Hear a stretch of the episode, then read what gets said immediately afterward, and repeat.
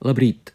Esmu Jānis Priede, Latvijas Universitātes Humanitāro zinātņu fakultātes profesors, Bībeles teoloģijas doktors, un mans jautājums būs, vai zini, ko nozīmē bibliskie jēdzieni nomiris, nokāpis ellē, augšām cēlies?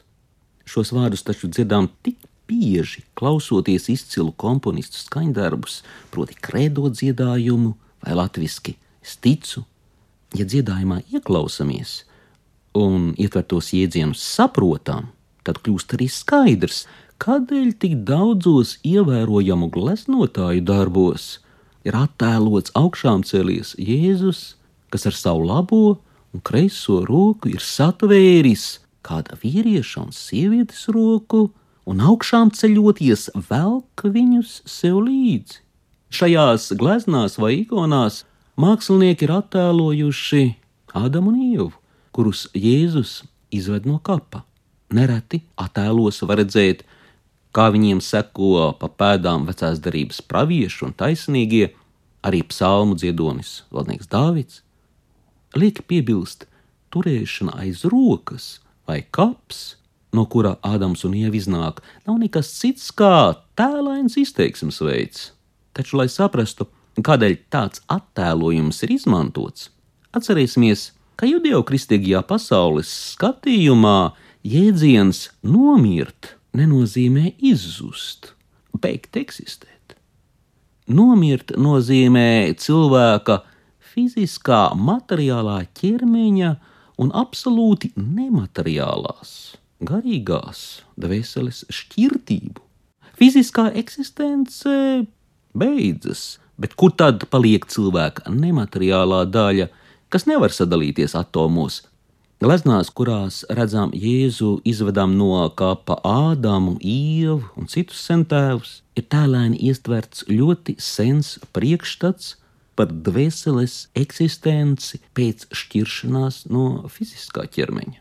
Grieķi runāja par ēnu valstību, Hadesu, kur valda aids, kurš gan nav dzirdējis pieminama opera Orfejs un Eiridīke vai dzirdējis kādu āriju. Ja grieķiem bija Hades, tad vecās derības tekstos ir Šeols. Arī Šeols ir mirušo valstība, ēnains, drūms, skumjš eksistences stāvoklis, ko tādēļ labi simbolizē pazeme. Mirušo valstība, jeb Šeols, nav tas pats, kas mūžīgi pazudināto valstība, jeb elle.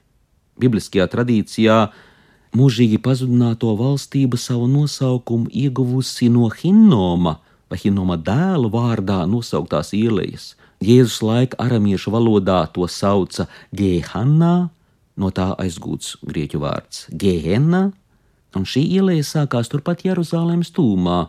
Un jau divus gadsimtus pirms Kristus dzimšanas to uzskatīja par dievu izraudzītu vietu atkritēju un grēcinieku sodīšanai.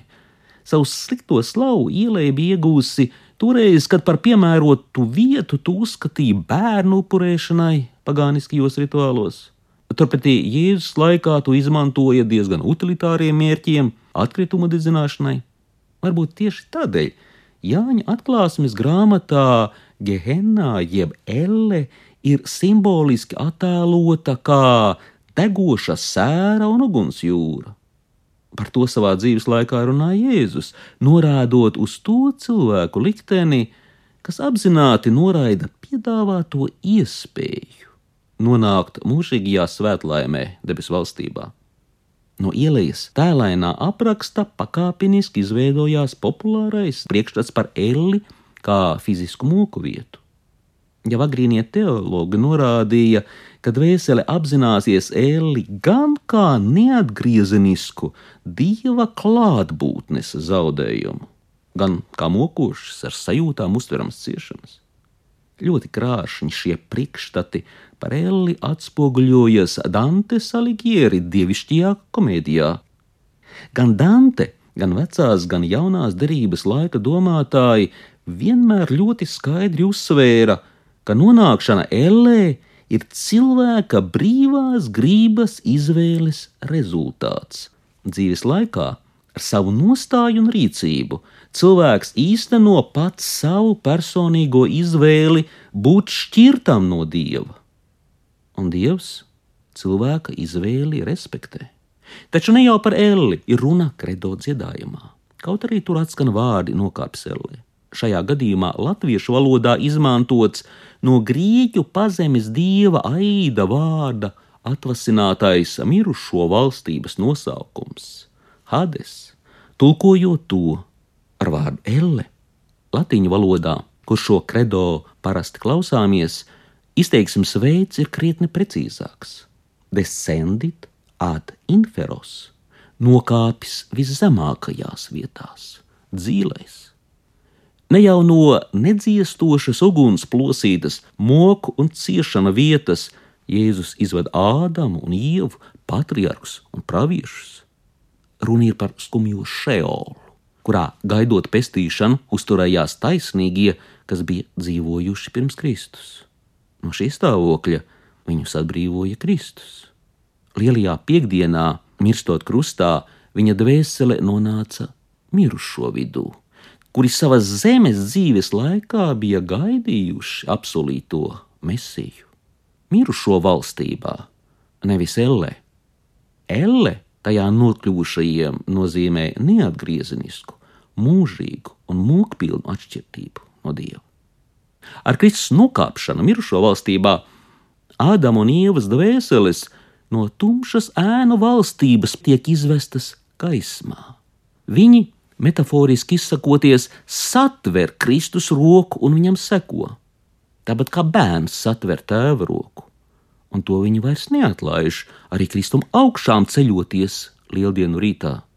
Varētu teikt, Ādams un Ieva, patriarhi un pravieši pārceļas mūžīgajā svētlēmē. Ne jau ko citu, bet gan tieši to vēlas pateikt gleznotāji, attēlojot Kristus roku satvērušo Ādamu un Ievu, patriārkus un praviešus.